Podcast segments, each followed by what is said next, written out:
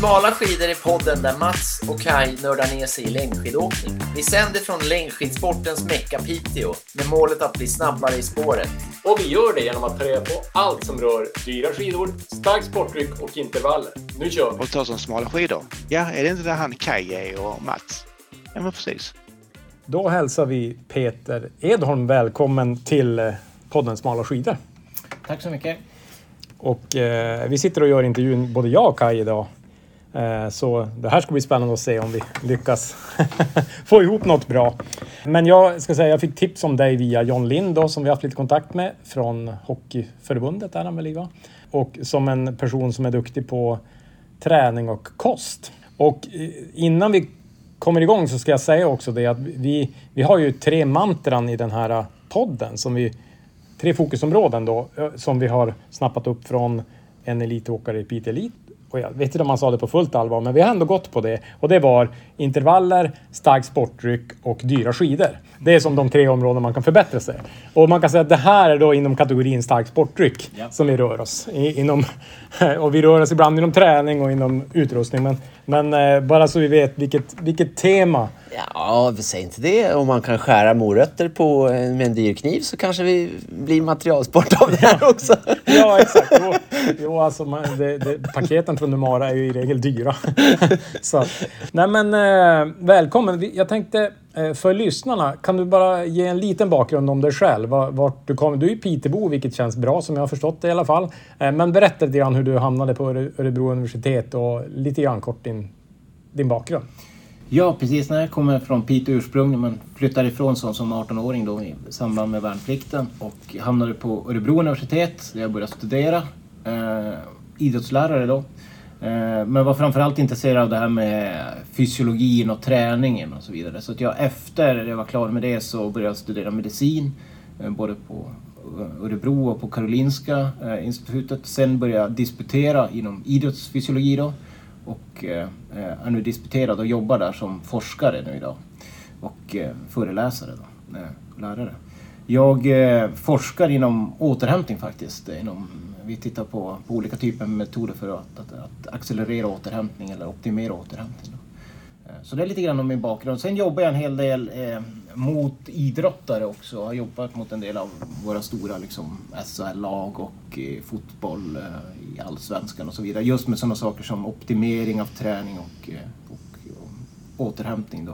Och hjälpa till med egentligen lite översätta forskning så att säga så att man kan applicera det till praktik.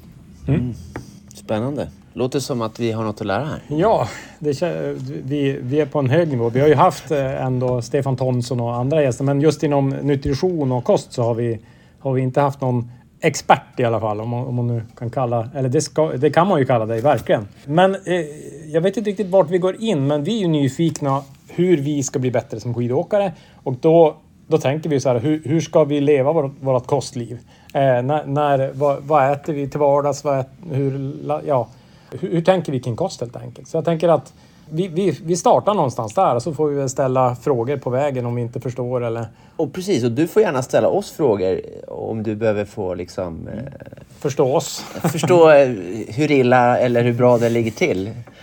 Nej men eh, du skickade ju någon eh, hint om vilka, vad ni var intresserade av innan när ni Mm. eh, fick inbjudan här och som du sa, om man har en, en, en motionär eller elitmotionär som, som tränar någonstans en timme om dagen, en och en halv timme om dagen. Det handlar någonstans 5-10 timmar i veckan. Och det, det är ju en, det är ju en ansenlig träningsmängd. Framförallt kombinerat då med att man har ett yrkesliv eh, och barn och familj och sådär. Så att man har inte de här privilegierna som elitidrottare riktigt har med all mat serverad och man bara går in och man äter och så blir man skjutsad på träning och så skjutsas man tillbaka och så är det middagen. Och då är det en utmaning.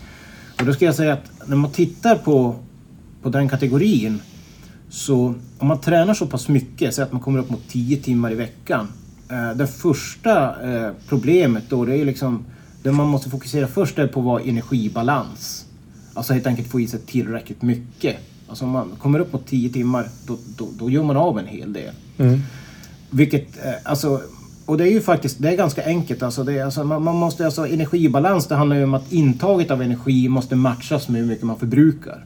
Och man kan, man Annars går man ner i vikt. Ja, annars går man ner i vikt eller, eller, eller och framförallt så det första man ser är liksom kanske att man eh, helt enkelt inte orkar hålla uppe träningsintensiteten, att, och intervallerna liksom, att man, man, man får slut energi då och så vidare i kroppen. Eh, Och kanske på, på, på resten av livet också. Då.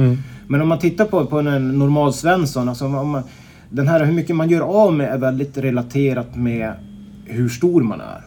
Alltså en, en, en, en 60 kilos individ gör av med ungefär 2000 kilokalorier per dag. Om man har ett stillasittande jobb och man, man bara, bara lever och gör minsta möjliga i stort sett.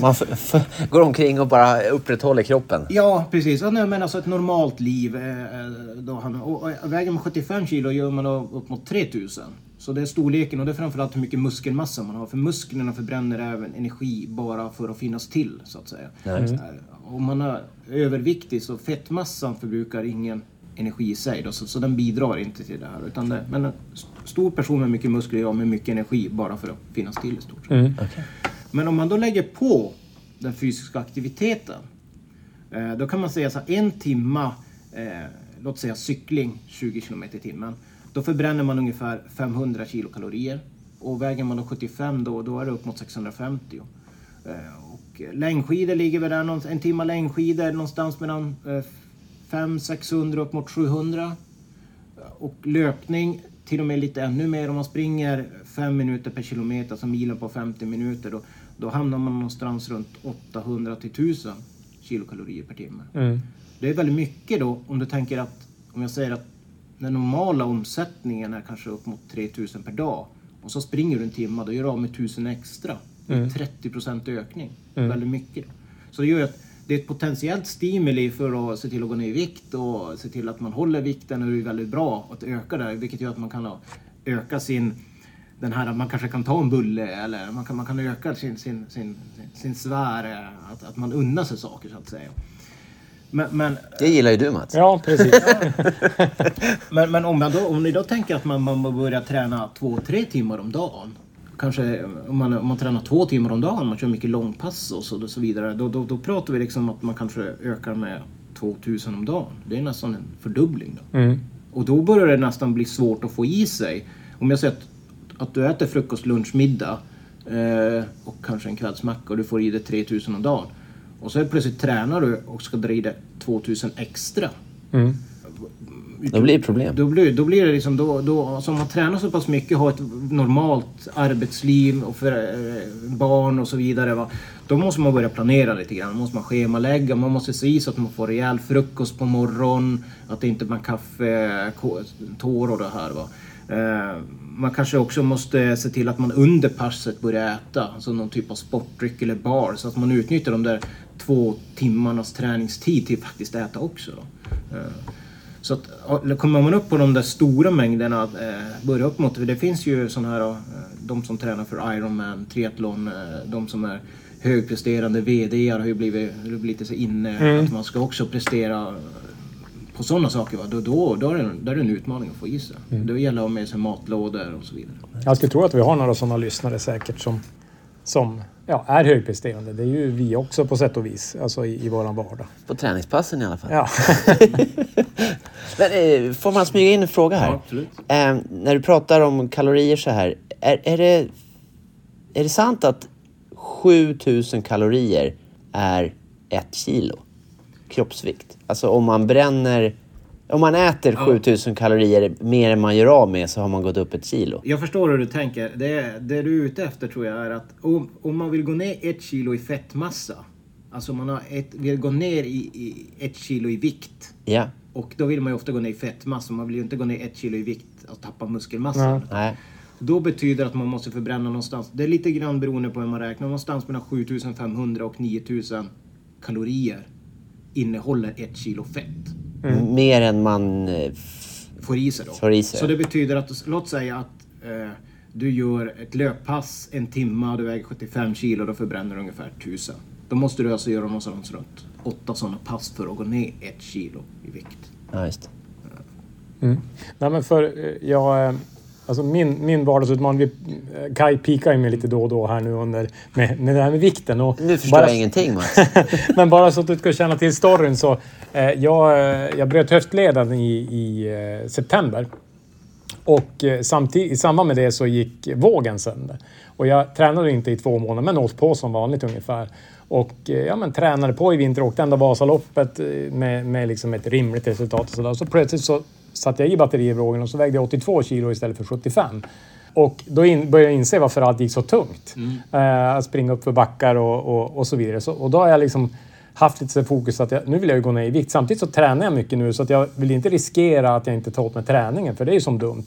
Och, och, så det har liksom varit min svåra matte och jag, jag, jag tycker att jag liksom, fast jag då tränar 7 till 10 timmar i veckan eh, och jag dricker mycket sportdryck när jag tränar men i övrigt så ganska normal kost så, så jag upplever inte att jag liksom lätt går ner. Eh, så eh, så jag, jag, jag funderar mycket kring det här. Liksom, hur, hur ska jag hitta en balans? Så jag ändå, för jag skulle ner på kanske, nu är jag på 78 så jag skulle ner kanske 4 kilo till eller 3-4 kilo till. Eh, men jag vill göra det utan att riskera att jag liksom för sommarens träning är ju den viktigaste inför vintern. Det är ju liksom nu man ska bygga kroppen. Så att det är nästan hellre att jag behåller kilorna än att missa träningen. Så det är, prio är ju... Eller byta ut dem mot eh, eventuellt fett mot muskler. Ja, ja, ja, att- självklart. Gärna så. det. Ja. Nej, men för att svara kort på det bara, liksom, vi kan komma tillbaka till det också senare. Va? Men för att gå ner i vikt eh, så, så, så måste man ju då minska energiintaget. Mm. Eh, Det, är liksom, det är som en grundläggande fysik. Alltså det, jag vet att det, alltså det- för det första, det är utmanande att gå ner i vikt. Mm. Eh, Det, alltså det, är ju, det är ju en av de världens största eh, problem vi har. Global epidemiologi av Mm. fetma. Eh, Så det är ju ett jätteproblem. Och det är ett stort problem för individen, ett stort problem för samhället. Men det måste vara liksom så att, att, att ditt energiintag måste vara lägre än energiutgiften. Och det, och det finns ju som du säger, det finns de som tränar jättemycket som fortfarande har en viss övervikt och så vidare. Eh, och det, det har att göra med att när vi lägger på träning så ökar ju också vårt eh, sug efter mat, alltså våran hunger. Vilket gör att du matchar upp det där ganska fort. Eh, eh, och eh, du kanske ersätter det med, med lite kakor eller någonting direkt efter träning för att matcha upp behoven där. Men du nämnde ju också någonting där, är ju att, att du sa att du tränar ganska mycket, kanske ganska br- bra mat i övrigt, men vill gå ner i vikt. Och du sa att du dricker en hel del sportdryck och du sa att du tränar runt en timme passen långa. Eh, ja, ja, långpassen är väl två, tre timmar. Eh, men jag, och, för det är ju, vi har ju haft Umara som gäst. Eh, och där, alltså för mig blir det lite motsägelsefullt. Jag, jag köper ju att jag ska liksom få i mig energi när jag tränar annat. Och det känner jag ju, det måste jag ju. Samtidigt, och då trycker jag ju socker egentligen. Och så sen så ska jag liksom inte, å andra sidan när jag står på andra foten, ska jag inte äta socker. Alltså, jag tycker det är en svår, eh, det är en svår balansgång. Eh, Fast jag har inte svårt att förstå att jag måste fylla på med energi när jag tränar. Alltså det, det, det förstår jag. Men, men eh, ja, det, det är ändå svårt. Nej men alltså om man pratar gå ner i vikt då. Men det, maten som vi äter har ju både en näringskomponent, det är alltså hur många kalorier du får i dig, hur näring du får i dig liksom vitaminer och så vidare.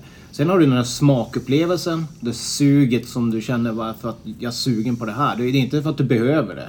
Utan det är för att du tittar på det eller ser det på TV liksom helt plötsligt blir du jättesugen på det. Och det tredje är ju liksom det som komponenten där inne, det är ju mättnadskänslan. Om du äter någonting, hur lång tid går det till att du blir hungrig igen? Det är de här tre som man egentligen har att spela med och de här påverkar då vår förmåga att gå ner i vikt. Och jag brukar säga att om man ska titta på det kan man försöka sätta upp lite enkla riktlinjer för sig själv. Alltså någon form av, för det handlar, om, om man har en viss baskunskap vad som är bra mat och dålig mat. Men vårt problem är ju liksom att, att många har idag en ganska hyfsad, i alla fall i Sverige har man ganska hyfsad kunskap och håller man på med idrott har man kanske läst lite grann och läst, kommit in i- Så man vet, man vet ungefär vad som är bra mat och man vet vad som är dålig mat. Men man vet också, när man är ärlig med sig själv, att man gör dåliga val every now and then. Alltså man väljer det här och då gör man det för att och så motiverar man sig för själv. Ja, men jag vill ha det därför att. Eller nu unnar jag mig det här. Eller, och, och, och då, eh, problemet då, då är att om man ska gå ner i vikt så måste man göra någon ändring här då. Du, måste du kan inte bara fortsätta på samma sätt, då kommer det inte hända någonting. Och jag brukar säga att man, i stort sett kan man göra så att man analyserar sig själv. ja, men vad gör jag bra med min mat och vad gör jag mindre bra med min mat? Ungefär som du gör med din träning. Du kan också säga, analysera varför blir jag skadad alltid på våren? Ja, men Jag går över för snabbt till, till löpning från, från skidor och då får jag ont i, liksom, i, Pratar du till mig nu eller? Ja, är det så? Ja, jag säger det. Men om, om jag säger till exempel, om jag ska analysera mig själv. Jag, jag äter frukost, lunch, middag. Det är bra. Jag har alltid en bra frukost och sådär. Håller mina måltider. Jag gans- äter ofta bra mat. Jag har en fru som är väldigt duktig på att laga mat. Så väldigt varierat och sådär. Så, så det, det, jag, jag dricker lite alkohol. Eh, och eh, jag äter mycket frukt. Det är saker som är bra. Mm. Jag vet vad som var som är mindre bra då. Jag gillar sötsaker. Eh, framförallt efter träning. Eh, glass, godis, kakor. Eh, jag vet också att ibland, jag jobbar mycket. Så jag vet att ibland så hinner jag aldrig äta lunch. Eh, som är mer arbetsrelaterat, jag inte hinner då. Och då kan man ju försöka komma överens med sig själv. Okej, men jag ska bibehålla de bra sakerna och jag ska göra, försöka göra någon förändring på de dåliga sakerna. För då blir ju den slutprodukten, Summan, ja, blir, summan blir lite bättre då. Och eh, det kanske kan bidra till att jag går ner de här kilorna som jag ville för att komma i form. Och till exempel med sötsaker så kan jag då sätta någon form av riktlinje för mig själv. Men jag, efter träningen får jag ta någonting eh, och så sen ska jag äta mat. Eller ska jag äta mat först och sen får jag ta den där saken. Om jag fortfarande är sugen på den. Ja, just. Men För det det kanske- förändrar ju... Ordningen påverkar ju resultatet. Ja. Ja, och, och, och att, kanske att- jag kan ta ett kex eller en kaka istället för fyra.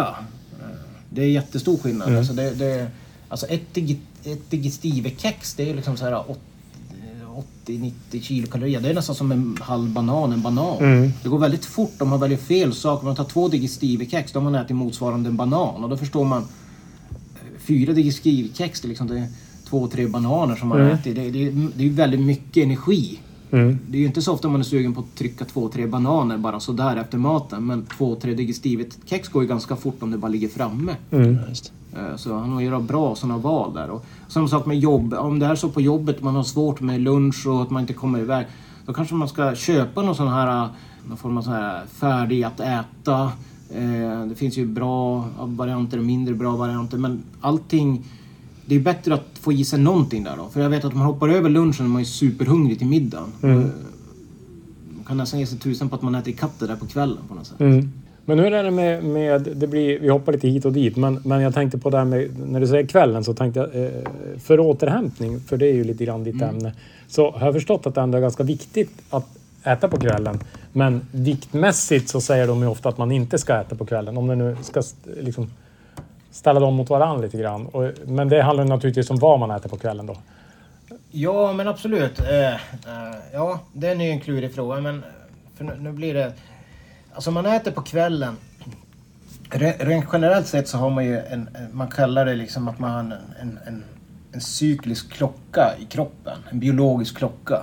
eh, Som, som, hamnar, som, som följer vaken cyklerna. Alltså du, du vaknar på morgonen eh, och där är vissa hormoner som, som, som, som, som är låga och vissa som är höga och, och så vidare. Och då, då är man mottaglig för mat och inte mottaglig. Eller att man är, man är det finns också när man ska träna på dagen, alltså till exempel att man är, man är bäst eh, eh, mottaglig för eh, koordinativa arbeten och sånt där ganska tidigt på morgonen. Man är pigg, alert och man kan ta in sig det. Medan man har hög smärttålighet till exempel sent på eftermiddagen runt sextiden. Så då, då tål man mycket, då har man högre smärttröskel. Va?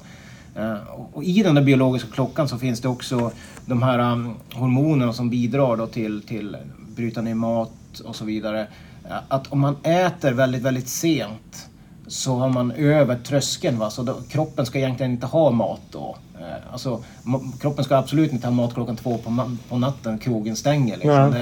Det, då, då, Den där sista korven på vägen hem, ah, den ska man alltså hoppa över. ja. Man ska Nej, inte det- ut på krogen i och för sig överhuvudtaget. Ja, nej, men det finns ju vissa som har visat det att... Eh, jag tror att jag såg någon, någon, någon studie på det, att det här med, med folk som... Eh, när man går på krogen och så dricker man alkohol som också är energi i det då. Men ett problem är ofta den här maten man äter, som man kommer på att helt plötsligt ska man ha en jättestor kebabpizza liksom så här halv tre på natten. Så, och äta då.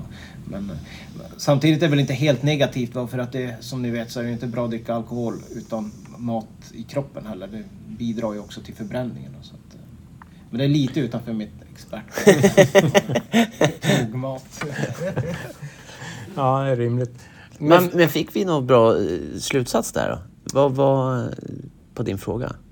Nej, Kvällen? ka- kanske inte. Men, men Att inte äta för sent, det blir- Inte äta för sent. Nej, nej men alltså, alltså man ska ju försöka hålla, alltså kroppen, eh, kroppen fungerar bäst om man kliver upp eh, samma tid varje morgon. Om man äter på samma eh, klockslag hela tiden och man ska inte äta för sent. Alltså det finns som, alltså, de, de, flä, de flesta stiger upp någonstans vid 6-7 på morgonen och så går man och lägger sig vid 10-11 på kvällen. Eh, finns som ingen större anledning, eller anledning för, för normalsvensson att efter, äta efter klockan nio på kvällen när man börjar gå ner i varv. Då, då, då ska inte, man ska inte varva upp.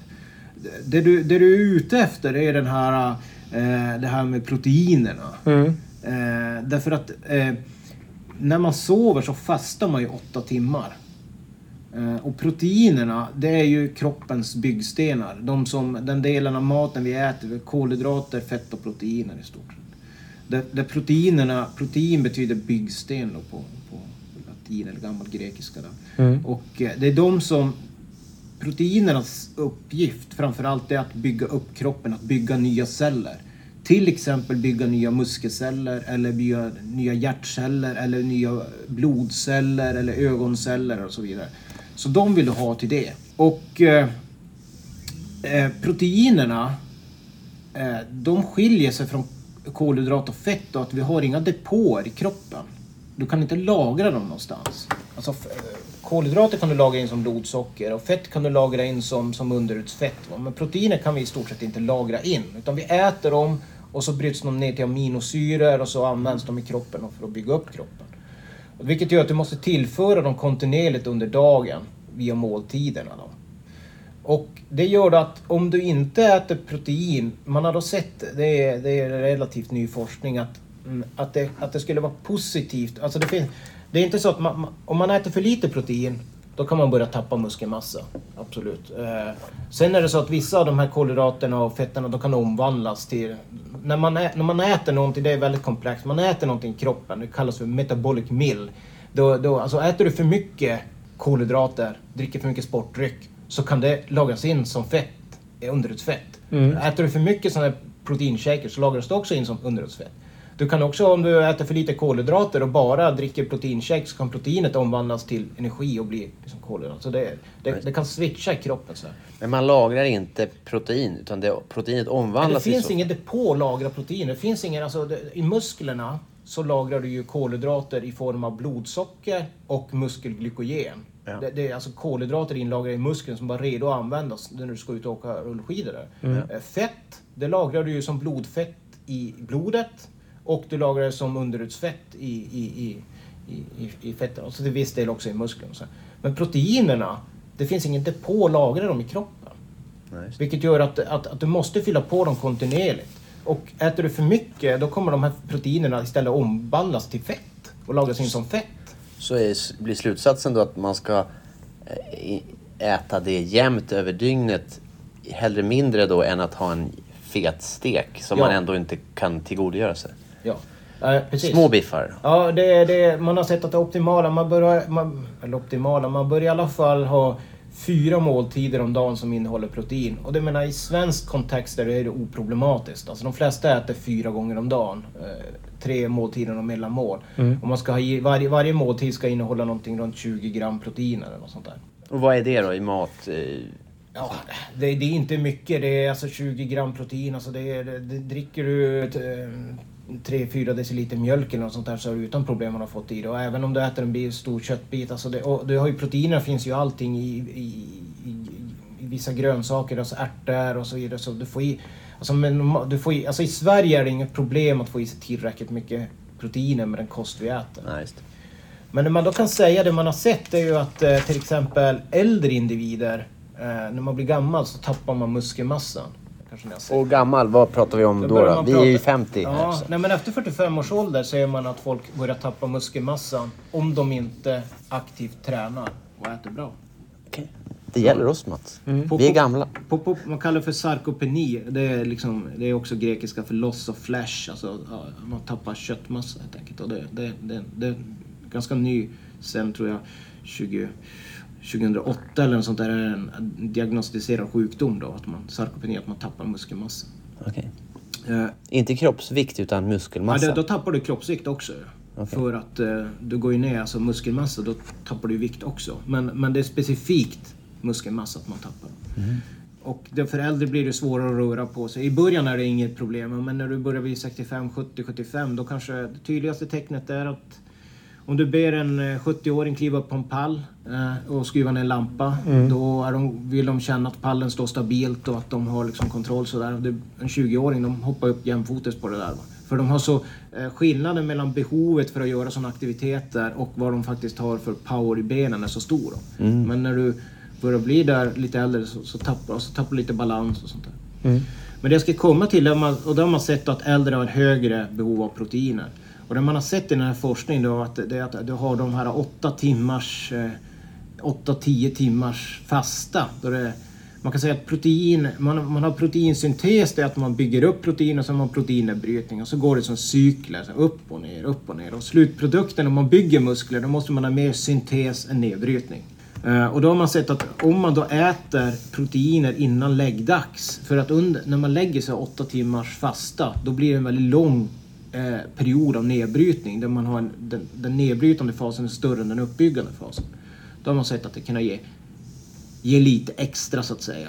Eh, och då framförallt har man också... Nedbrytning av proteinerna eller nedbrytning av kroppen? Man he- hejdar nedbrytning av proteiner. Genom att äta proteiner så stimulerar du proteinsyntesen. Ja. Ungefär som träning stimulerar upp proteinuppbyggnad och proteinsyntes. Men också gör koster. Koster också. Så om du äter proteiner där så, så, så tar, får du mindre av den här nedbrytningsfasen. Då, så att du under natten så har du mer en positiv balans i proteinuppbyggnad, proteinnedbrytning. Och speciellt för oss över 45 då? Ja, absolut. Och eh, för de som tränar väldigt, väldigt mycket så här bodybuilders som, som varenda eh, gram. Va? Alltså för normalsvensson, alltså återigen, det här är ju ett normaltillstånd att vi ska sova och inte äta och så vidare. Men, men man har sett att om man då tar de här proteinerna innan läggdags, då har man lite bättre effekt faktiskt. Då. Både hos äldre och även hos de som styrketränar väldigt. Så att man kan... Men det, är, återigen, då vill jag, man måste sätta in den stora bilden. Om man inte gör saker rätt under dagstid så spelar det ingen roll riktigt om man gör det här på kvällen. Va? Alltså man måste göra många saker rätt under dagen för att få det här då. Så man inte kommer in i kvällen med jätteobalans för då Men hinner man inte hejda i, det. i, I stort sett handlar det om att innan läggdags, alltså vid 8-9 tider på kvällen, dricka 3, 3 deciliter mjölk. Mm. Det, är- det, det är det vi pratar ungefär om. För mjölk är ganska bra protein. Det är en sån här... När man pratar om proteiner så kanske det vanligaste vi får i oss det är av kött, fågel och mejeriprodukter och så vidare. Och eh, det är de man kallar för de fullvärdiga proteiner. De innehåller alla de här viktiga... Alltså proteiner är uppbyggda av aminosyror. Så aminosyror i olika kombinationer bygger upp ett protein. Då finns det olika typer av proteiner, massor olika. Eh, och eh, de fullvärdiga proteiner, de innehåller alla viktiga essentiella aminosyror. De här som vi inte kan bilda själva eller som vi behöver få i oss då. Essentiella som livsnödvändiga. Ja, alltså. precis. Så du, de, fullvärdiga proteiner de hinner, innehåller allt. Va? Eh, sen, sen finns det ju också, finns det ju också ni kanske har hört talas om de här BCAA, alltså branch chain amino acid. Det är en typ av amino acid då. Och så ECA, essential amino acid då.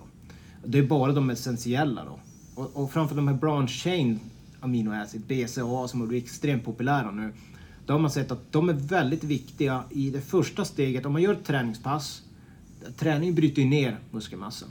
Ja, och efter träning så vill du vila och så vill du äta proteiner för att få igång den här proteinuppbyggnaden. Du vill vända nedbrytningen från träning till en uppbyggnadsfas. Då.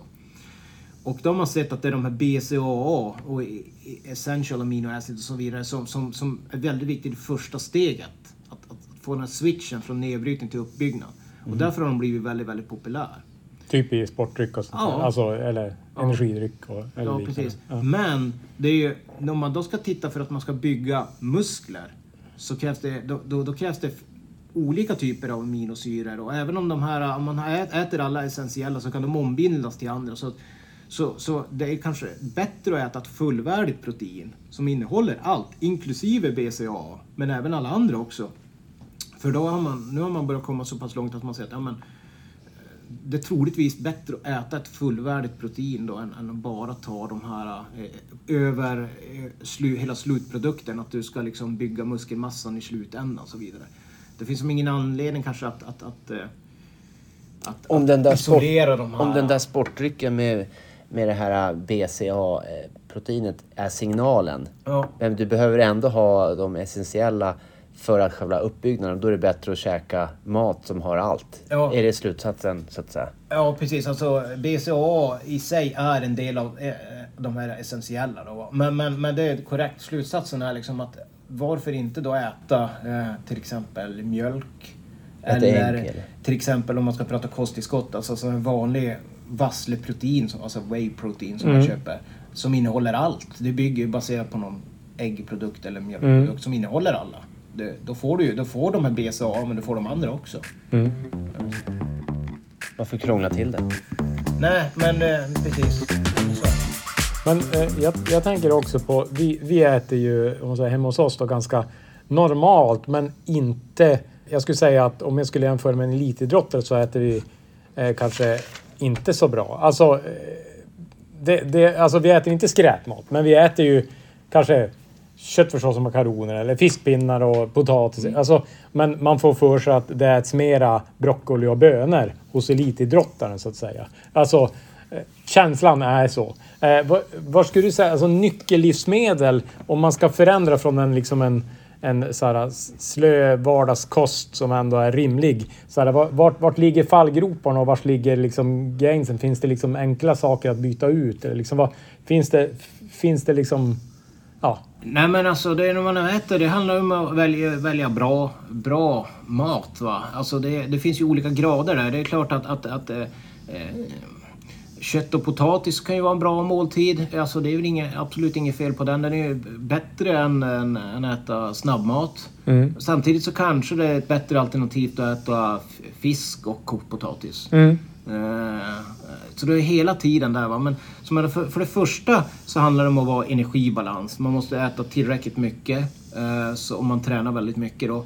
Och behöver man gå ner i vikt så, så måste man då tänka på de här att göra de här bra valen så att man går ner i vikt. Då. Eh, Att, att man väljer bort de dåliga valen man gör. Man gör mindre av de dåliga som man har och bibehåller de bra kostvanorna och stärker dem. Då.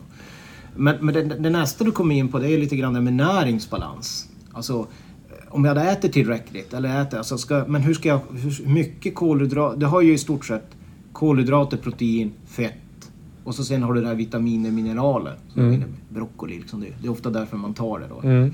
Och eh, där, kan jag, där, är, där är det viktigt att säga att när man tränar mycket så ökar energibehovet jättemycket. Det kan jag, som jag sa, tränar du två, tre timmar om dagen då, då du ökat nästan med 100 procent. Det är jättemycket. Om du äter frukost, lunch, middag ska du göra det två gånger. Men då brukar jag ofta få den här frågan, ja men hur är det med vitaminer och mineralerna? Så måste jag, äta, alltså, måste jag ta vitamintillskott och liksom, hur är det med de här antioxidanterna och så vidare? Och då, då funkar det så att träning ökar energiförbrukningen. Men behovet av vitaminer och mineraler, det ökar väldigt, väldigt lite. Knappt alls. Kanske 5% bara. Trots att du tränar ökar energibehovet 100%. Därför att de här vitaminer och mineraler kan till viss del återanvändas. Det, är sånt, det förbrukas inte. Det är inte som en, en, en kolhydrat att du förbränner den blir värme och energi och så är den borta i kroppen. Utan den finns ju kvar i kroppen och hjälper till. Det är som ett laddbart batteri, alltså. Man laddar Ja, om det bara. Och dessutom så är det så att om man äter väldigt mycket, om du, om du lägger till en extra måltid, en, en, en till middag på kvällen. Då är det då får mineraler du- och då får du- vitaminer får du ännu mer vitaminer och mineraler. Och, och du har bara ökat ditt behov 5% extra. Så de som äter mycket, de har ofta, när man gör kost, de, de har ofta väldigt mycket vitaminer och mineraler, som kanske 200% egentligen över vad de behöver. Så det är absolut inget, inget bekymmer. Eh, Det kan vara enskilda som man saknar eller så, men generellt, de som har problem med det här, det är de som tränar mycket och äter lite. Eh, Om man håller på någon viktbaserad idrott eller någon så här, eh, där, där det är koreografiskt, att man ska se ut på ett specifikt sätt. Man måste vara väldigt låg kroppsvikt. Va? Tur att vi inte har invägning på Ja. skidåkningsloppen. Där är det ett problem då. Sen är det till och med så att jag menar, när man tittar på de här äh, kostis, alltså, äh, som antioxidanter och alltså till exempel C-vitaminbrus som man köper. behovet av C-vitamin är ungefär 60 milligram. Eh, om man köper en, en sån där C-vitamin Tusen milligram. den innehåller 1000 milligram. Så det är liksom så här i storleksordningen att 30 gånger vad man behöver. Då. Mm. Eh, och då kan man fundera, eh, hur, hur, kom man fram till att man skulle ha så mycket eh, på det, av den? Eh, hur kom man fram, alltså varför inte 500, varför 1000, varför inte 2000? Och då, då, då är det också så att om du, om du tar, alltså alla de här eh, vitaminer och mineraler, de samverkar i kroppen för att till exempel bygga immunförsvaret eller hjälpa eh, att, eh, blodet, bygga järnet i eh, blodet för att det ska funka i blodomloppet med, att, med järnet och att man ska kunna ta upp syret. Men om man tar väldigt, väldigt mycket av någonting så, det förstår ni själva, liksom, det ska vara någon balans mellan alla de här. Så är det någonting som drar iväg 30 gånger vad man, man ökar på det, då kommer ju allting annat, kroppen försöker kompensera för det här. Och kanske sänker något annat eller höjer någonting annat och så blir det väldigt... Eh, och det finns faktiskt en del forskning just när det kommer till så här starka antioxidanter som C-vitamin, att det kanske det är negativt för muskeluppbyggnad och eh, att, att, att, eh, att äta för mycket av sådana starka antioxidanter. Då. Att det ska... Don't, don't mess with the system. Nej, precis. Typ. Man kan dämpa träningen. Men det är också, kan ju också vara det att det är så himla lätt om du tar två tar ett stort glas vatten så tar du två brus för att Ja. tänka ja men det smakar inte så mycket så blir det liksom 60 gånger mer än man behöver och det är så himla lätt. Ja. Eh, Medan att äta C-vitamin eh, blir ju lite besvärligare då. Ja. Det blir många apelsiner om man ska Det är många apelsiner. Eh, En apelsin är väl ungefär just runt 60, 70, 80 milligram eller något sånt där. Beroende på storlek. Så att det är ju många apelsiner man trycker i sig. Men en sak kring mineralerna där. Det här med, nu är det sommar, varmt som attans, svettigt, salt, saltbalans, mineraler, magnesium för muskel, sånt där. Hur mycket sant är det då att man behöver tillföra det? Nej, det för, då pratar du om kramp antagligen. Liksom så. Eller, eller, Ja, funktion bara. Ja, precis. Nej, Vi ska det- åka snabbt jag och Mats. Absolut. Nej men så är det. Att då man svettas, i svetten så avger man ju mineraler och salter. Va? Så att det är bra att fylla på. Det, det, liksom, man har ju sett att förutom när man dricker vatten så om man har en träningstid som är längre än en timma då bör man se till att man har kanske, då har man börjat man effekt av sportdrycken. Ja. Alltså har man korta, det är den klassiska, har man kortare pass än en timme då behöver man inte ha sportdryck. Varför? Liksom, det kommer inte att påverka passets kvalitet. Just. Men ska du ha längre än en timme, då ska du dricka sportdryck. För att kanske hålla uppe intensiteten. Men då är det viktigt att förstå att man ska börja dricka direkt. Man kan inte börja dricka efter 45 minuter. Nej. För att börja dricka socker efter 45 minuter, alltså sportdryck, så kommer inte det komma ut och du kommer inte liksom få ut det i kroppen så att det ger effekt förrän passet nästan är slut. Det är bara 15 minuter kvar. Så ska du dricka, drick direkt för att kunna hålla upp intensiteten.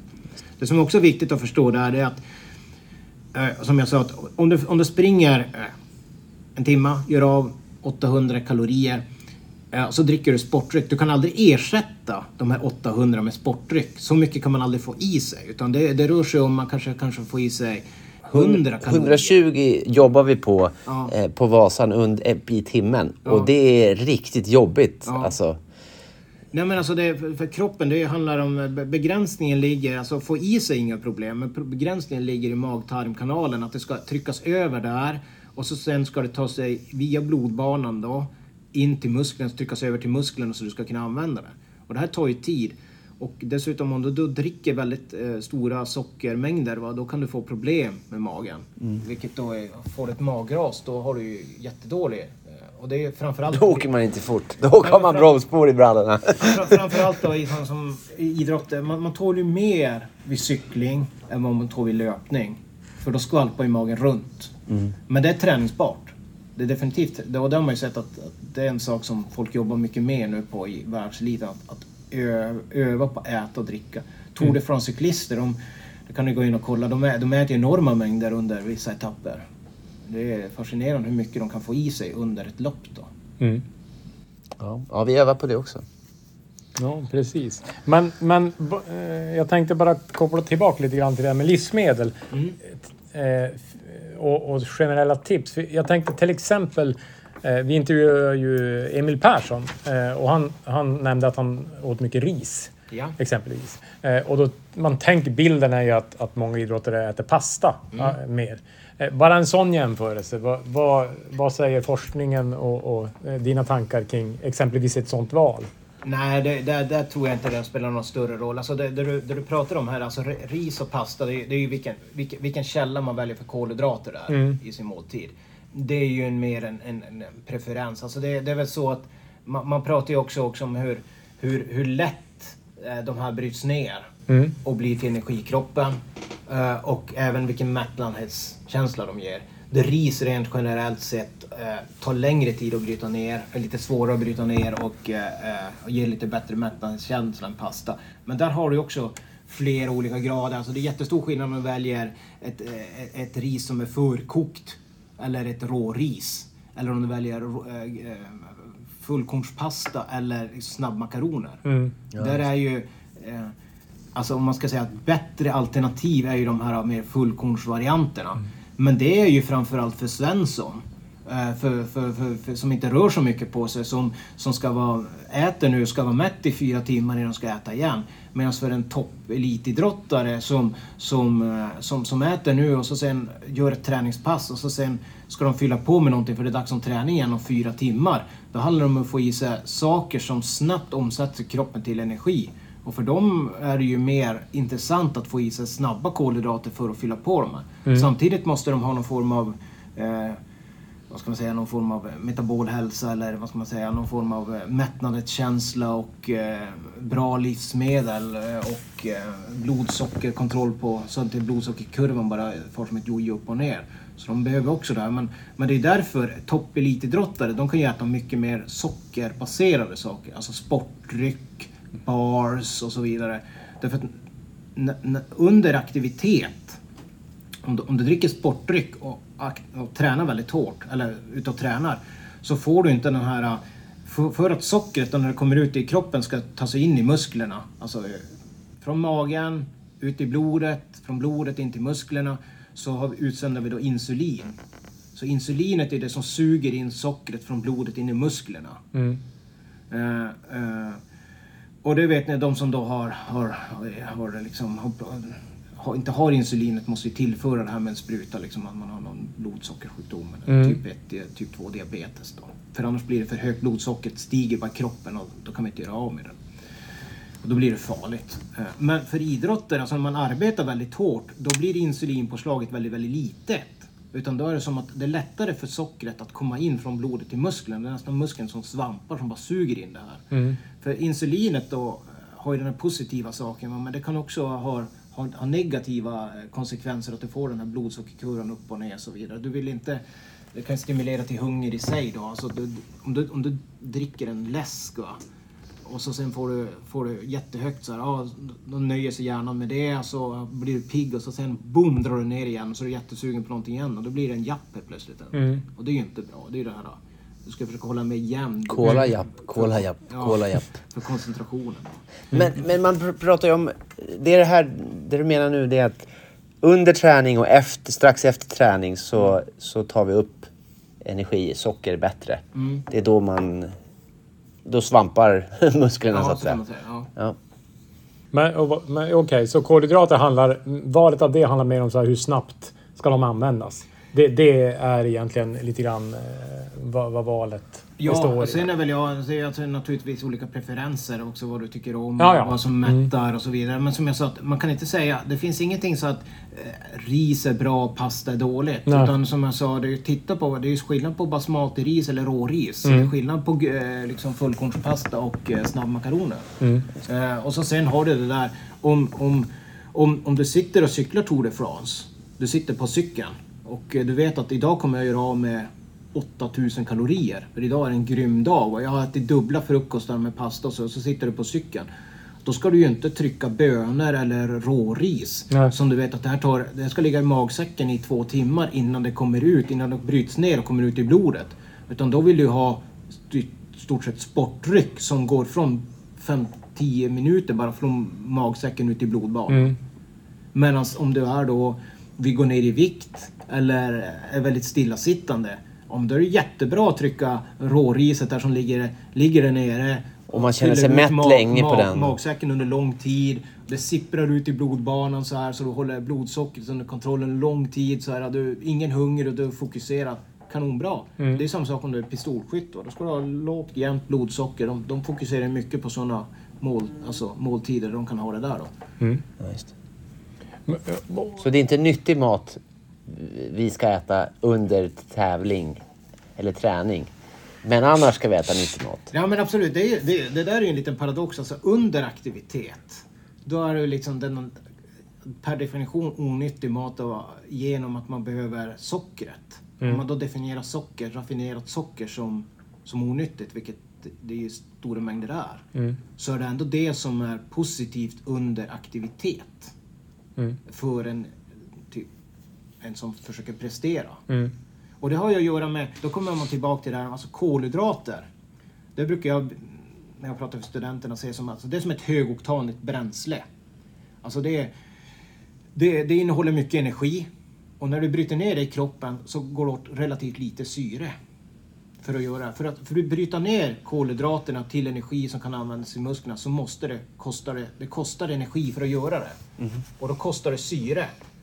Och ni som är längdskidåkare, ni vet att hur mycket syre vi klarar att ta upp från inandningsluften och få ut i musklerna är ju den begränsande faktorn. Det som vi kallar för VO2 max, eller maximal syreupptagningsförmåga.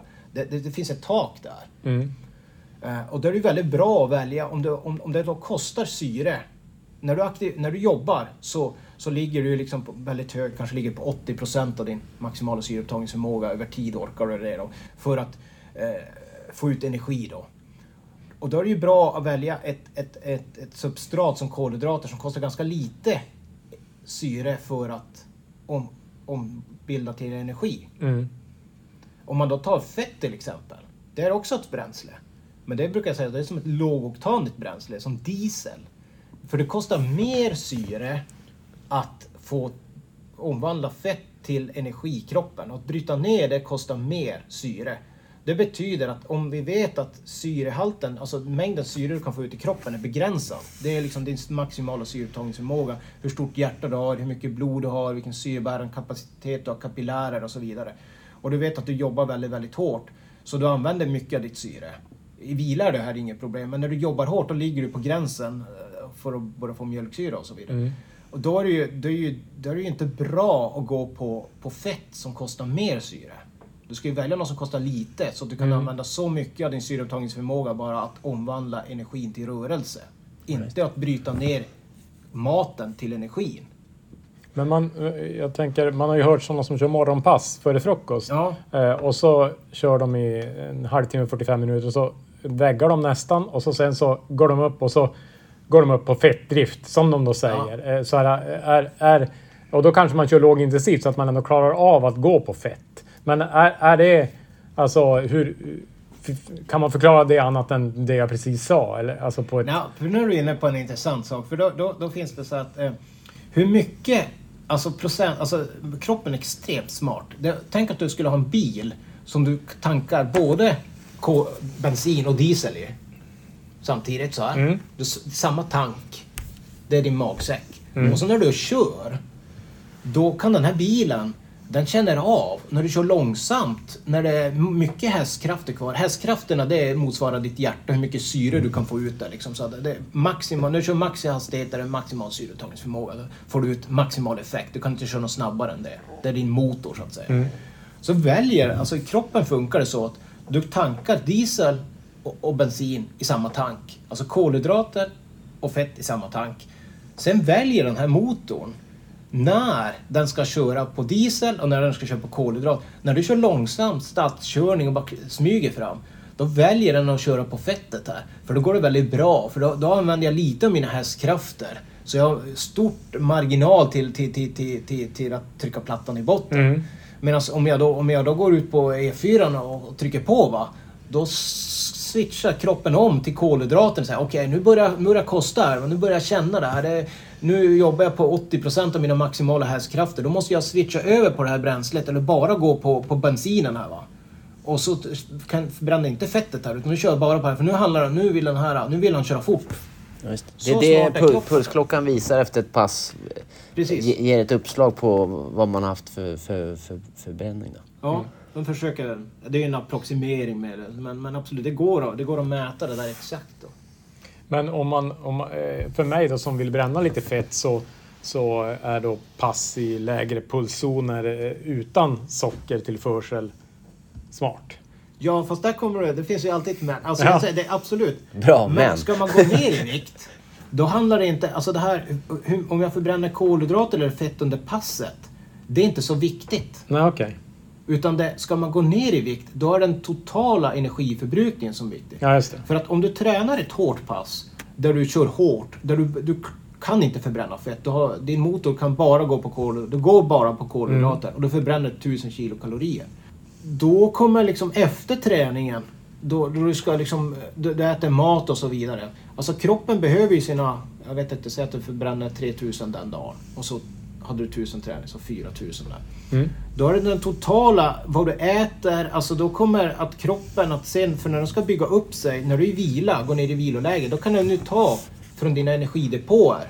Då kan den ta från dina fettdepåer för att eh, starta den här eh, åter, åter, åter, åter, återuppbyggnaden. Och det fett du äter till måltiden sen, det kan den använda direkt då till att reparera sig. Om du tittar på sprinters, Usain Bolt till exempel. Han, han, hans träning är ju enbart väldigt explosiv. Han förbränner ju extremt lite fett under själva träningen. Lite grann på uppvärmning och så vidare. Ändå är de väldigt rippade och väldigt lite underhudsfett. Och det har ju att göra med att deras träning är så, är så, så intensiv. Så de tränar, de tömmer sina kolhydratdepåer i de här, vilket gör att de sen ska bygga upp dem då. Och då kan kroppen liksom använda underhudsfettet och den kan använda fettet från maten för att bygga upp det. här. Så, så totalekonomin är, är viktigare än, än hur jag lägger upp passen? Om man ska gå ner i vikt. Alltså det, Ja. om, jag, om jag ska bara... Men vänta. Ska Mats... In, det är inte maten, utan han ska träna mer för att gå ner i vikt. Nej, det, Nej, det, det, nej, så ska jag inte säga. Utan det är liksom, ska du gå ner i vikt, antingen, om du, eh, du måste ha ett energiunderskott för att gå ner i vikt. Det kan du antingen göra genom att öka din energiförbrukning, det vill säga träna mer, eller minska ditt energiintag, det vill säga äta mindre. Plus minus. Eller, enkelt. båd, eller båda. Eller både och. Ja. Och där vill jag bara säga, liksom, jag får ofta den här frågan, vad är viktigast? Träningen eller kosten viktigast om man ska gå ner i vikt? Och det här är ju väldigt omdebatterat.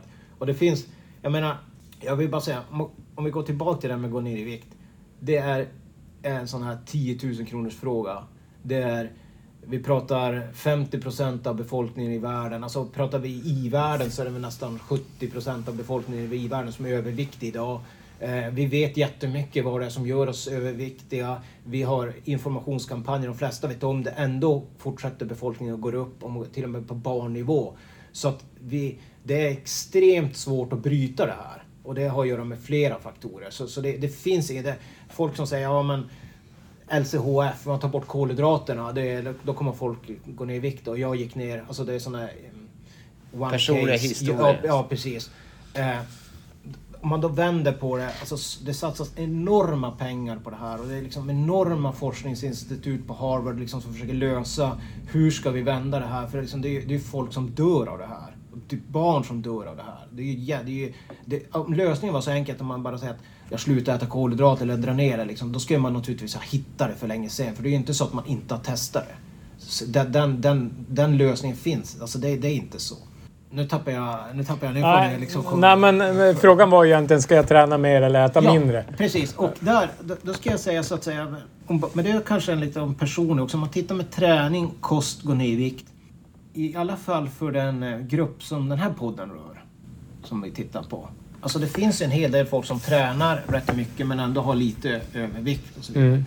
Och är man, för de som är helt o, liksom aktiva, som bara sitter still och sånt där, då absolut aktivitet ökar. För det har så mycket positiva effekter med mer muskelmassa, eh, sy- syresätta hjärnan och musklerna och så vidare. Bara börja ta promenader. Men låt säga att du tränar fem timmar i veckan och så vill du gå ner i vikt. Det, det är det som... Då är jag, jag är tveksam till att lägga till en sjätte timma träning. Därför att du ökar ju skaderisken då också. Du kanske också, och vilket gör att helt plötsligt kan du bara träna tre timmar i veckan för det här. Och det finns ju också ett gammalt u- ordspråk som går så här. You can't outrun a bad diet. Och det ligger någonting i det. Om man tittar på de här äh, till exempel, låt säga de här bodybuilders eller liksom de som, de som är vana att träna mycket och variera i vikt så här. Då, de är, och även om de promenerar mycket för att hålla... De gör ju inte bara styrketräning, de promenerar ju väldigt mycket för att hålla uppe dem. Och där är de ju väldigt tydliga, eh, även liksom i kanske brottning där man... Eh, där man Går i viktklasser. Ja, Ja. eller? Och, och, och lite grann utifrån den empiriska erfarenheten i sådana här idrotter. De är väldigt tydliga. Alltså, det som är viktigast, säger de, det är att göra kostförändringarna. För att tappa de här. För de kan inte träna mer. De, de tränar i stort sett så mycket de kan. Och ä, lägga till ännu mer träning kanske bara öka skaderisken och så vidare. Men du måste göra förändringar i kosten då. Ja, det där är de stora förbättringarna. För att när du är i den här bulkperioden eller eh, vad ska jag säga, låg, alltså som längdskidåkare nu off-season under sommaren. Va?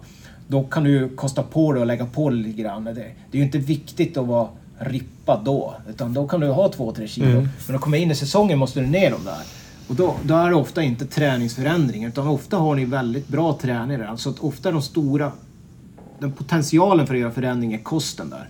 Och då som jag, som, jag sa, analysera. Vad gör jag bra i min kost?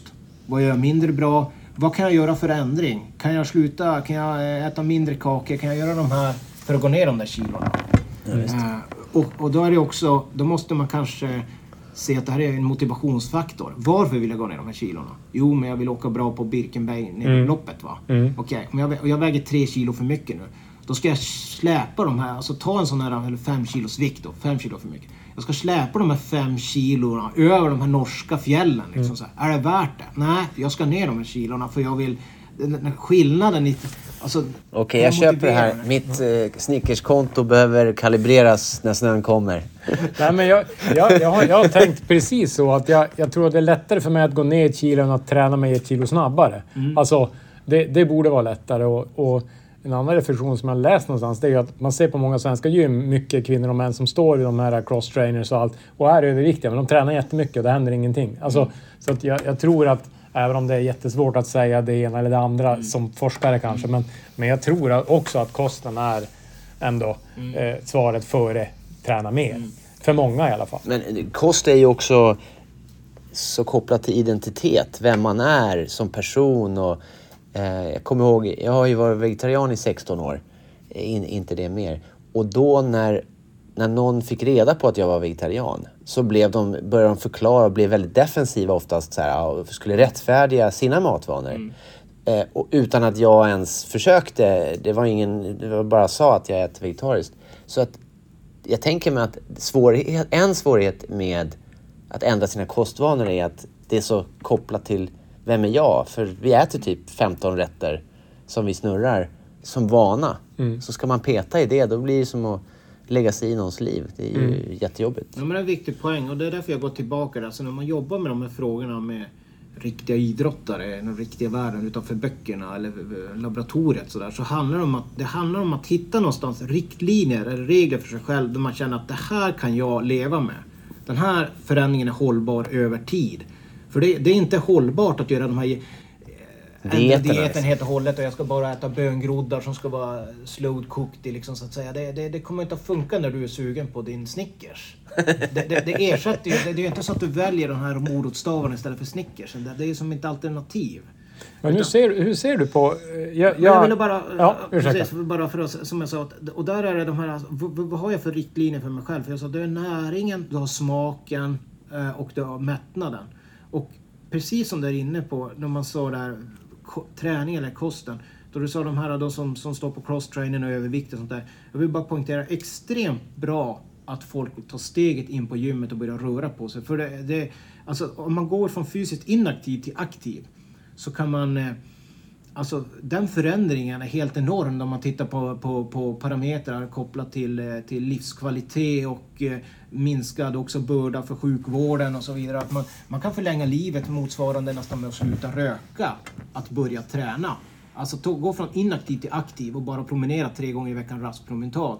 Det kan vara lika nästan, nästan som att sluta röka. Inte riktigt va, men det är en enorm förbättring. Då. Men att då gå från aktiv, från att träna två gånger i veckan till att träna sex timmar i veckan, har ju inte riktigt, det, det gör du ju inte för att du ska bli ännu mer hälsosam, utan ofta gör du det för att jag vill prestera. Något, och sånt där. Och det, Naturligtvis har det effekt, men inte lika tydligt. Men det verkar som att det är lättare nästan att få folk att börja röra på sig, även om det är svårt, än att få folk att ändra sina kostvanor. Och som jag sa, det är väldigt nedärvt i vad man äter under barndom, vad man lär sig att eh, till exempel trösta sig själv med mat. Eller... Reglera känslor och Ja, absolut. ja, välmående. det gör vi allihopa. Ja, visst. Eh, Och jag vill bara säga att men, men det är intressant att de som går in, tar steget in på gymmet och börjar träna. Då, även om det, det liksom, även om man fortfarande är överviktig så tillför det så mycket bra. Eh, så, så, så, så, så överviktningen är inte lika farlig längre. Och om man gör det steget och börjar se resultat. Då ser man också att de här människorna är mer motiverade att ta nästa kliv, att börja identifiera sig med, med en hälsosam individ. Att Nej, jag ska fasen inte dricka läsk till mat. För jag, liksom, jag tyckte ju om vad jag såg på gymmet där och nu börjar det liksom hända saker. Så helt plötsligt går de från att vara Kalle Soffpotatis som spelar tv-spel till att de helt plötsligt är typ Kalle den friluftsnissen som är väldigt aktiv och klättrar och simmar och paddlar och sånt där. Då får de en nästan ny identitet. Ja, precis. Spännande. Men vår identitet är ju eh, att vi är skidåkare. Ja, men precis. Nej, men jag, jag hade en fråga mer Ja. specifikt. Jag, jag eh, dricker nä- en återhämtningsdryck varje gång jag har tränat. Eh, och jag vet ju att man snabbt ska få med energi och egentligen kanske då det bästa vore att laga mat och äta. Men jag känner att jag, jag, det tar för länge och jag liksom vill... Eh, hur liksom... Eh, och då tänker jag ibland, är det den som gör... eh, Alltså kopplat till mimik. För det är ju kolhydrater och pro, proteiner i den.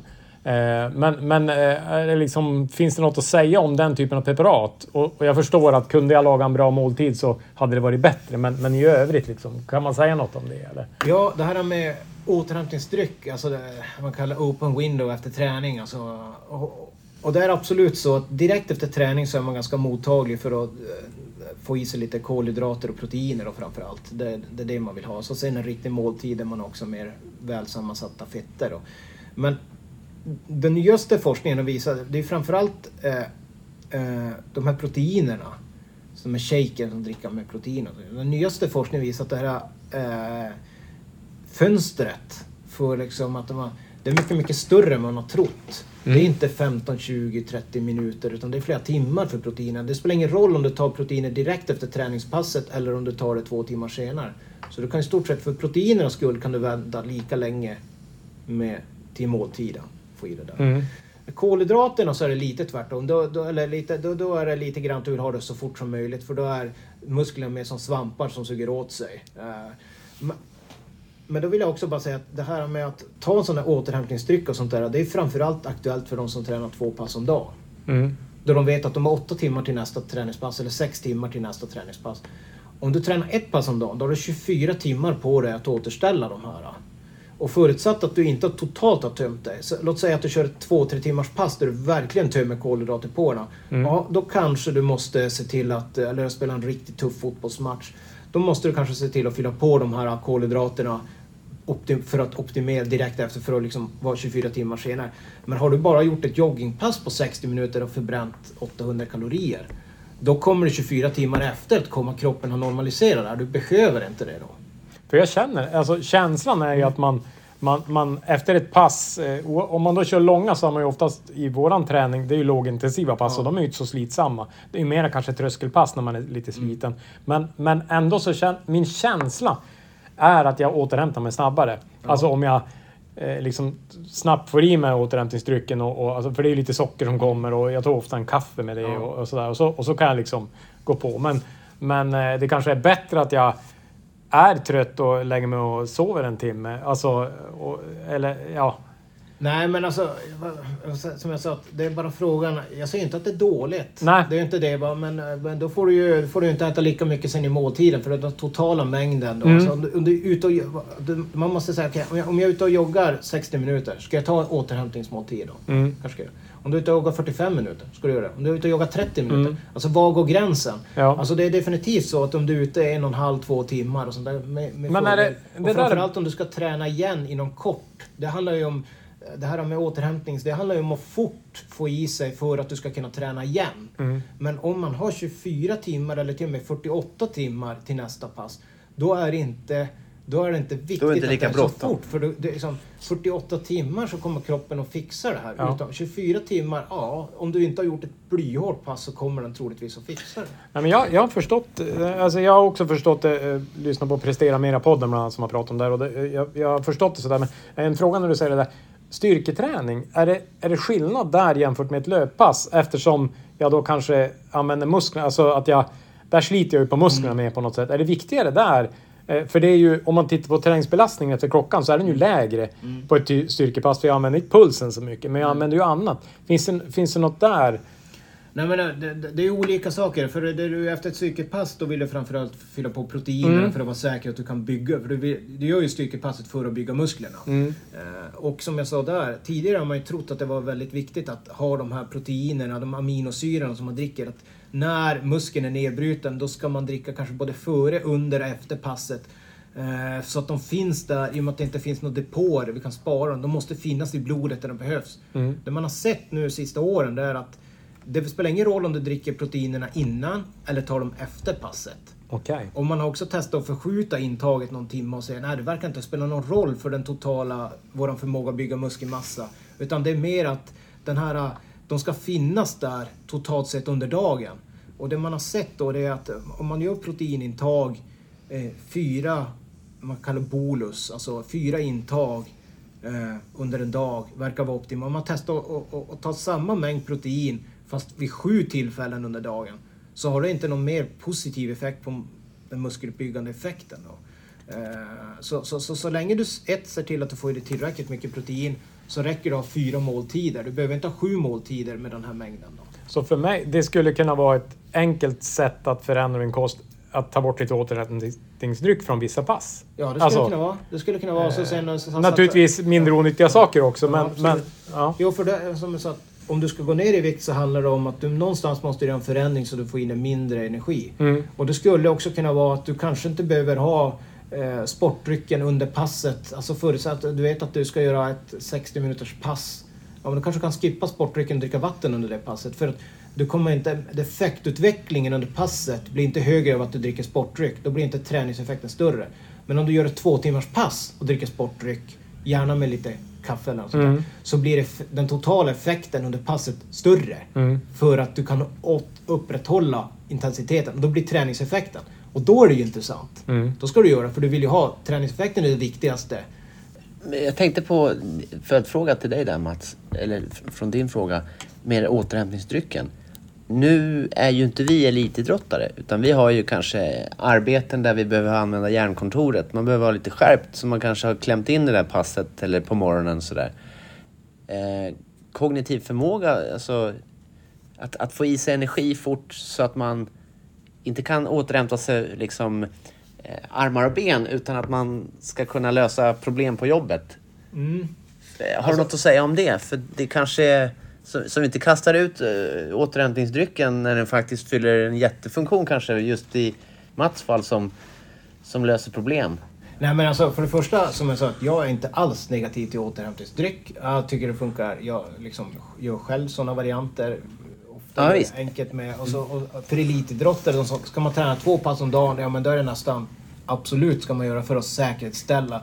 Ska man träna ett pass om dagen, ja men kanske.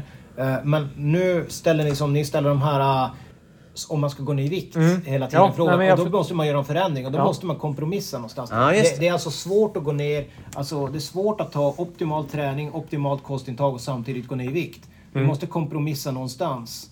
Eh, Bra poäng. Det, det, det, man kan göra det. Man kan gå ner i vikt och hålla kvar muskelmassan om man äter tillräckligt mycket protein och så vidare. Men, men någonstans måste man tillåta sig själv att antagligen vara eh, kanske lite hungrig eller lite för att komma ner de där kilorna. Och Det kommer att kosta någonstans. Ja, och de fem kilon du går ner i vikt så slipper du dra dem över Birkenbänken-regnet där. Ja. Och då blir prestationen mycket bättre där. Ja, men, men det kan ju bli att några av träningspassen blir kanske lite suboptimala.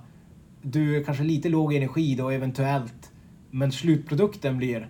Ja. Du vill, väga, du, du vill väga 75 där och inte 80 där. Eller att man inte eh, har världens bästa möte direkt efter det jobbiga passet. Så Nej, det men- kanske är bättre att byta alltså, hur man eh, riggar sin kalender om Nej, man vill det jag behålla... Säga, jag tänkte jag komma in på där. Alltså, man, man vet ju att, att koffein är väldigt starkt stimuli. Eh, och det utnyttjar ju de flesta elitidrottare att de tar koffein innan träningen. Precis innan passet så sveper de någon espresso, eller, espresso förlåt, eh, så, eller någon stark kopp kaffe eller något så. En, en halvtimme innan, en timme innan eller något sånt där. Så att de får den här, då är de ju på topp där. För det är inga kalorier i. Nej, det är nästan inget. Det beror på vad du... Alltså, dricker du en cappuccino så är det ju andra saker i. Men Ja. bara- en stark kaffe så är det nästan ingenting. Och du kan ju tänka dig att du tar den där efter träningen då. Då kommer du få den här att du ändå är med. Det. Jag, jag tänkte också på, vi, vi pratade lite grann om det, men vi, vi, vi inser ju att vi har en utmaning att vi är i förfall för att vi är 50. jag är 50 plus och Kaj är på väg dit. Eh, finns det något mer eh, i... i jag, jag, jag berättade ju att jag googlade dig lite grann igår för att se liksom så här och då såg jag att du hade bland annat pratat om ja, nå- någonting kring ålder. Så du verkar ändå ha funderat lite grann kring de frågorna och kost och sådär. Finns, finns det något mer att lära kring åldrande som man behöver ta hänsyn till både kostmässigt och om det gäller träningsupplägg eller liksom vad, vad har du för erfarenheter här? Har du något du kan dela till oss så vi blir snabbare? Jo, när, när man pratar... Alltså som jag sa, rent generellt sett så börjar man tappa muskelmassa vid 45 års ålder på befolkningsnivå. Och eh, det är ofta inget problem för den som man når ungefär 70-årsåldern. Liksom. Då, då, då börjar man ha, tappa så pass mycket på befolkningsnivå igen att man börjar bli påverkad. Alltså balans är sämre, förmågan att parera om man halkar är sämre, eh, man kliver upp på bänkar och så vidare. Sen kan man naturligtvis med träning då eh, Eh, förskjuta det här. Man kan ju till och med lägga på sig väldigt mycket muskelmassa efter 45 års ålder om man vill. Men det blir svårare och svårare. Och det man sett hos äldre, de har... De har... Eh, som jag sa, att muskelmassan är en produkt av proteinsyntes, alltså uppbyggnad och proteinnedbrytning. Och hos äldre så är proteinnedbrytningen samma som hos unga. Man har cykler, man har perioder man bryter ner mer, så mindre. Och så, bryter och så sen har vi då proteinsyntesen. Och eh, den proteinuppbyggnaden, syntesen alltså, den ökar om man, om man till exempel eh, både med träning, träning i sig kan stimulera proteinsyntesen. Eh, men den stimulerar ju också nedbrytningen. Eh, Den, den, den är lite tvåeggad då. Medan kosten, de stimulerar proteinsyntesen. Om man äter protein så stimulerar, stimulerar man det. Då. Eh, nu är det så att man kan, inte, man kan inte äta till sig mer muskler utan alltså, kosten är inte så... eh, man kan bibehålla men man kan inte äta massa proteiner och få mer muskler utan måste man träna och proteiner. Det man har sett skillnaden eh, det är att äldre behöver mer proteiner än yngre. Okej. Det är väldigt tydligt att eh, eh, äldre behöver, man pratar om 1,1 gram protein per kilo kroppsvikt. Då. Rekommenderat dagsbehov idag är 0,8 för normalbefolkning. Men äldre behöver lika mycket som en ung som styrketränar för att ha optimal. Så jag behöver 80-90 gram eh, Ja. protein per dag? Ja, ja. och ofta är det inga problem med svensk eh, kost och så vidare. Men ett problem är också en del av de som är äldre och de som är liksom, kvinnor som väger lite mindre och så vidare. De har lite mindre muskelmassa och de kanske inte äter tillräckligt mycket för att få i sig de här jag vet inte, vad det är, 80 grammen då. Mm. Eh, Och eh, en en del de börjar få lite problem med aptit och så vidare.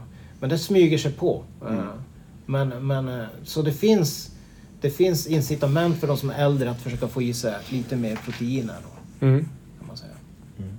Men om jag, om jag tränar eh, hårdare, mer, mer eh, musk, eh, styrketräning, Mm. be, behöver jag tillsätta mer proteiner än eh, 90? Nej, det, ja, det, där, där är ju väldigt intressant. Men, men, men, men rent generellt sett så sammansätta styrketräning ökar, man behöver, behovet av proteiner ökar lite grann med styrketräning och det är bra att äta en del mer proteiner. Och det kan man antingen göra via kost eller att man tar sådana här shakers. Det går Ja. också bra. Givet att man tar det från ett bra känt märke som, som inte är några dopingprodukter. Mm. För beställer man på nätet, det, då är det som rysk roulette. Det är, eh, det är jättemycket, jag vill bara lägga in som en passus där det här med, jag brukar alltid få den här kosttillskottsfrågan. Mm. Alltså, köper man enkla kosttillskott, alltså proteinpulver eller sportdryck och sådär på apoteket eller av skandinaviska kända märken, stora, va? Då, då är det i stort sett risk. Jag vet ingen som har åkt dit på ett sånt preparat. Men om man då beställer preparat som är mer så här... Eh, alltså man vet eh, sådana som ska öka prestationsförmågan. Med. Mm. Alltså, eh, det finns ju några så här kända som eh, eh, kreatin. Va? De är, och så finns det ännu längre bort va? Så, t- som, kallas för T-booster och anabolic booster och så vidare. De, ju längre bort du kommer på det där ju större ökar risken för misstagsdoping har man sett. Det Mm. finns jättefina studier på det. Och om man beställer över nätet från andra länder så här, i, i, i, i världen, va? då är man inte riktigt kanske lika säker på, på, på hur deras motsvarande livsmedelsverk kontrollerar det här. Eh, så att via de här svenska portalerna där du kan beställa så är det väldigt mycket, alltså jag vill bara säga det att det finns olika grader där. Så länge man håller sig till ett enkelt kolhydrater eller proteiner av något typ större kända svenska märken är det ganska riskfritt. Men så fort man ska ha liksom någon form av fat burner eller T-booster eller något sånt där. Då är det ganska vanligt att de är spetsade med såna här substanser som är eh, dopingklassade. För att det är de substanserna som ger den här effekten. Alltså det finns inte så mycket, det finns inte så mycket du kan ta på marknaden som är ökar prestationsförmågan. För det är ju definitionen per doping, det är ju att man tar ett, ett externt substans som ökar prestationsförmågan. Mm. Utan det är, kreatinfosfat är väl ett av de få som, som är till, för det finns naturligt i kroppen då. Eh, Så det ska man inte, det finns de som visar att det är 25-30% risk om du beställer sådana preparat att de är spetsade. Mm. Okej. Ju fränare namn desto större risk. Putin, Ja, om, om man sätter på Putinpulver då ska man låta bli om man inte vill bli dopad. Alltså. Ja, precis. Ja, jag, jag tittar på min lista här i mobilen. Jag tycker vi har pratat om väldigt mycket och vi har ju pratat länge eh, också. Eh, har, eh, har du något mer eller eh, både Kaj och, och Peter, känner, känner vi oss ganska... Jag kan, jag kan göra ett tillägg Ja. faktiskt, där, i och med att ni pratar om att gå ner i vikt och så vidare. Jag får ju ofta de frågan om de här dieterna.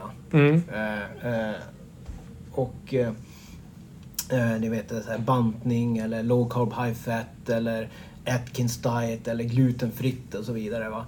Och funkar de eller funkar de inte? Eller hur är det? Och det, det är ju det är de som driver väldigt skarpa, vad ska man säga, på internet och även vid media. Eh, ofta så här kända eh, TV-profiler då, som ja, tillskriver att jag gick ner nu 30 kilo i vikt och tack vare det här och så Mm. vidare. Och hur är det? Och om man då tittar på det rent vetenskapligt så är det så, är det så att de här dieterna fungerar. Och det är så att alla de här dieterna stort sett fungerar. Och, och det, men orsaken att de fungerar det är inte liksom själva, det är inte, det är inte att de är uppbyggda, det är inte så att, de inte, att det är lite kolhydrat eller att det är mycket proteiner eller att, det, att man äter bara, inte, inte, bara äter två dagar i veckan och så här. Alltså, det är inte därför de fungerar. Utan de fungerar därför att folk gör en förändring. Mm. Alltså om du, du, vi var inne på det att kost är väldigt så personligt. Man har en del av identitet, vad man äter, hur man äter. Och man är nedärvd. När ni går på affären så shoppar ni i stort sett alltid samma sak. Det finns, det finns en anledning varför ni tar ett diskmedel. Ni tar alltid samma. Ni står inte och funderar varje gång vilket diskmedel. Ni tar bara. Så det handlar för dem att att sälja in till er att ni börjar ta det här. För då fortsätter ni hela livet med det. Då. Mm. Och det, med de här dieterna, det, då är folk, de har ofta kommit till en punkt då att de av någon anledning så är de väldigt motiverade att göra en förändring nu. Och de gör en förändring. Av olika skäl. Och då bryter man de gamla kostmönstren. Du kan inte bara gå och ta rånmackor, alltså rån i affären. Utan då måste du kolla och läsa på baksidan. Innehåller det här kolhydrater eller inte? Och ska jag eh, ta rågbrödet istället så, så gör du ett aktivt och du väljer någonting annat. Och det är därför det funkar. Alltså att folk eh, väljer någonting annat och eh, dessutom så måste du börja nya eh, tillagningsprocesser och så vidare så att det- det blir som mindre mat de äter. Och orsaken att gå ner i vikt är att de äter mindre mat. Det är inte att om det är kolhydrat eller det är inte och så vidare. Mm. Men jag, jag tror det är kopplat till, jag har läst någonstans att de, att bara skriva ner vad man äter gör att man blir medveten om vad man faktiskt äter. För att det sker som du sa på autopilot eh, av vana. Och att man går ner i vikt bara man för matdagbok för att man blir medveten och då, då kanske, nej just det, inte en Snickers. Jag har haft tre idag så att det, det får vara Det nog. finns alltså jättestora studier man har tittat på det här. För om, det här, om man skulle hitta lösningen här så skulle det hjälpa den här epidemiologin med liksom fetma. Så man har, man har haft folk som har varit överviktiga, de har, fått, eh, ä, de har fått all mat, de har fått guidelines, de har fått läkarvård, sjukgymnaster, motivation, allting. De har, över ett halvårs tid har de fått all mat tillredd. Så här. Vissa har fått eh, med lite fett och vissa har fått med mycket fett och vissa har fått med lite kolhydrater, mycket proteiner och så. här. Så man gett det där. Så ser man att alla gick ner i vikt. Efter sex månader hade alla gått ner i vikt. Och det, men det är inte supermycket. De går ner en 3, 4, 5 kilo. Liksom så där. Och när man då ser man gör långtidsuppföljning, trots att de fortsätter få den här maten och de får guidelines vad de ska köpa och så vidare. Så är det jättedåliga resultat över tid. För efter två års tid så är de obenhörligen på väg upp till sin normalvikt eller har passerat den och är fortfarande på väg upp. Och, eh, och det här är ju väldigt nedslående då. Man, eh, man säger, trots att de får liksom, vad ska man säga, sitt livs chans att göra den här kostförändringen, får all mat och får stöd och sådär, så, så orkar vi inte riktigt stå emot över tid utan vi kryper, vi hittar.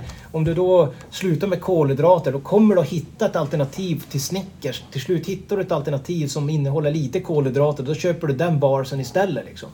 Uh, så det, det, det, det, är en jätteutmaning. Va? Och det är därför jag säger att det handlar om att göra enkla saker. Vad gör jag bra med min mat? Vad gör jag dåligt? Vad kan jag göra för förändring som jag faktiskt vet kan hålla över tid?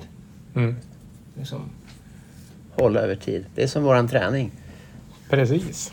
Mycket och ofta. Eller lite och ofta. Super!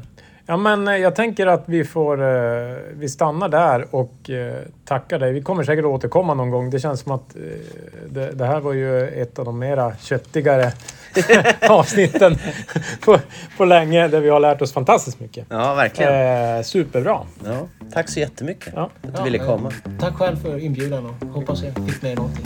Vi säger. Oj, rätt.